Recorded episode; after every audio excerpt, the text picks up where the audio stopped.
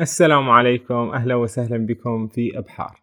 نقدم اليوم مراجعة لكتاب إبراهيم أبو الأنبياء للكاتب عباس محمود العقاد. طبعا في القرن العشرين ظهر الكثير من العلماء المصريين الأفذاذ من بينهم عباس محمود العقاد الذي قرأ يعني آلاف آلاف الكتب وكان يعني عبقرية فذة. قدم في كتابه إبراهيم أبو الأنبياء كل ما يتعلق بشخصية النبي إبراهيم في كل المصادر التي يمكن العثور فيه على شخصية النبي إبراهيم. في القرآن في التوراة في الإنجيل عند الصابئة وكذلك في الكشوف الأثرية. ليبحث قضية النبي إبراهيم كاملة ويبحث هذا الموضوع كله بعقلانية محضة. طبعا عباس العقاد له تلك يعني الصرامة في بحث مثل هذه المواضيع. لا شك أن هذا الكتاب كان رائعا وقيما جدا.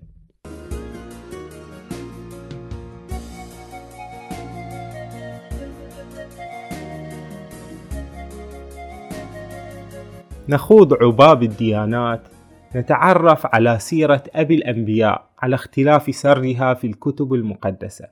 وبالطبع في القرآن الكريم كان الأروع والأجمل في سرد قصة النبي إبراهيم. لا شك ولا ريب. حتى حينما تأتي إلى آيات القرآن الكريم وكذلك نري إبراهيم ملكوت السماوات والأرض وليكون من الموقنين انظروا إلى هذه العظمة في كلمات القرآن الكريم. آمنت بأن هذا الكلام لا يصدر إلا من لدني لطيف خبير. وعندما نتحدث عن سيرة النبي إبراهيم فنتحدث عن أبو التوحيد والمحارب القديم للوثنية والشرك. في التوراة التي بين أيدينا الآن والتي يقدسها اليهود موجود ذكر لإبرام الذي ولد في العراق والذي جاءه الوعد الإلهي بأن تكون له ذرية عظيمة تسكن من النيل إلى الفرات وأنه أنجب من سارة زوجته إسحاق وأنجب من هاجر إسماعيل وكان له زوجة ثالثة اسمها قطورة أنجب منها ستة أولاد. ومن ذريته جاء العرب الإسماعيليون وجاء بني إسرائيل بنو يعقوب ابن إسحاق ابن النبي إبراهيم وأيضا آخرون العمونيون الآخرون وأن النبي إبراهيم له رحلات إلى مصر ورحلات إلى بيت المقدس وله كما نعرف مدينة الخليل في فلسطين آه، هي مسماة باسمه ويوجد فيها مكان دفنه كما يعتقد. وفي القرآن الكريم نجد أيضا حديثا عن قصة النبي إبراهيم في مكة. وعن بنائه الكعبة المشرفة وولادة السيدة هاجر بالنبي إسماعيل. يقول العقاد في اسم النبي إبراهيم عن معناه أنه حبيب الله وهو إبراهيم ابن تارح كما ورد في الأنساب اليهودية. وهنا يختلف السنة والشيعة. السنة يقولون أن تارح هو آزر نفسه أبوه الذي كان كافرا. غير أن الشيعة يقولون أن تارح هو مؤمن وهو أبوه وأن عمه اسمه آزر شخص آخر. فيقولون أن العم أيضا يسمى بالأب. طبعا إذا كان هناك قصور في بحث العقاد هو لأنه لم يبحث آراء الشيعة. لم يضم آراء الشيعة أيضا. كما أن حتى يعني الأحاديث لم يركز عليها. الأحاديث النبوية وما وجد في تراث المسلمين من أحاديث لم آه، يركز عليها. ولنذهب مع العقاد لنبحث في تراث الصابئة.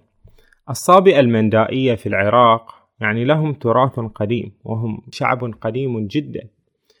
وعقائدهم تدلك على ذلك التاريخ القديم الذي يعود إلى قريب النبي إبراهيم.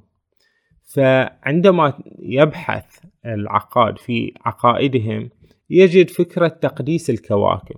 ونحن نعرف أن النبي إبراهيم عرض هذه المسألة على قومه فقال يعني لما ظهرت له الشمس ولما ظهر له القمر ولما ظهر له كوكب. في ذلك الوقت كان أهل العراق يعبدون فعلا الأجرام السماوية.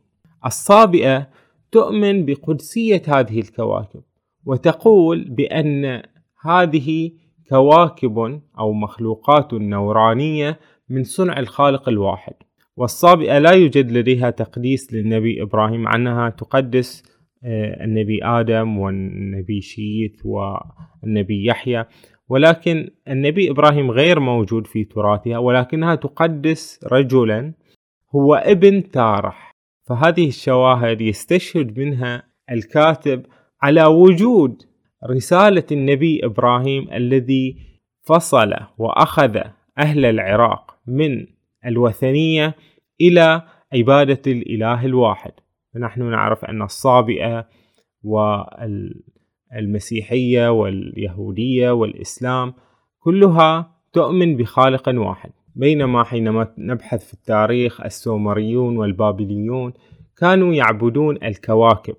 مردوخ الإله يعني الذي يعبدونه هو المريخ وعشتار هي الزهرة. كما أن الملك البابلي أورنمو نصب القمر للناس كإله. فكانت الديانة الوثنية في الزمن الذي يعني كان موجود فيه النبي إبراهيم يعني مرتبطة بالكواكب والقمر والشمس.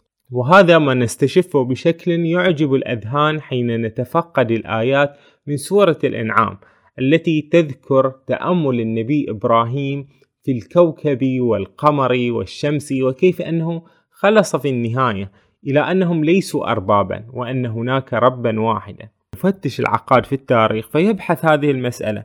يرى كيف أن التغيير في التاريخ حصل.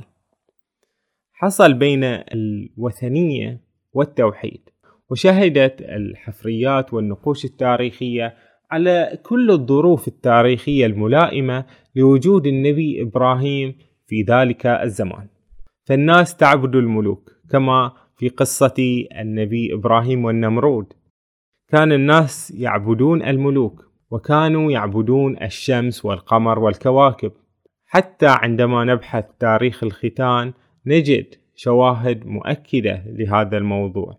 قرابين الأضحيات التي كانت تقدم للآلهة الوثنية والأصل التاريخي العربي لإبراهيم وسلالته واللغات السريانية والعبرية والعربية المتشابهة وجود حمورابي وشريعته وجود أسماء شبيهة بإبراهيم في النقوش التاريخية القديمة والأمر يطول.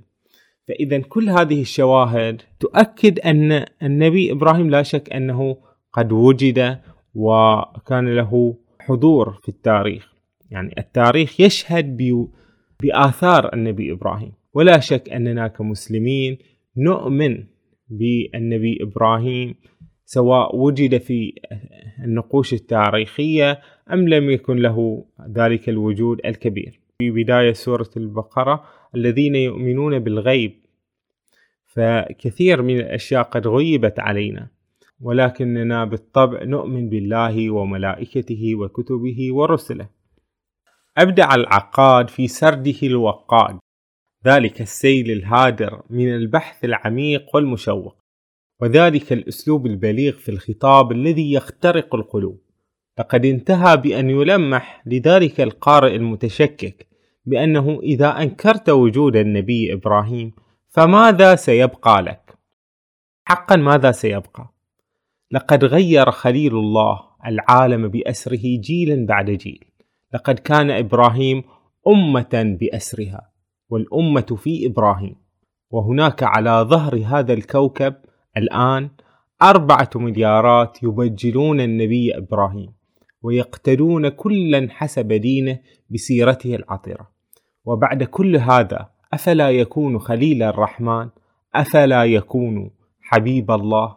وحقيقة في يعني قراءة هذا الكتاب تذهب إلى التوراة تذهب إلى الصابئة تذهب إلى فلا تجد يعني نورا إلهيا إلا ذلك الذي ينبع حقيقة من آه، آيات القرآن الكريم. فعلينا فعلا أن نستزيد منها. يعني جدا معبرة آيات القرآن الكريم ويعني لها تلك الدلالات العظيمة التي لا يمكن لنا أن نحيط بها. فإلى هنا ينتهي حديثنا عن كتاب العقاد وكونوا بألف خير وصحة وعافية.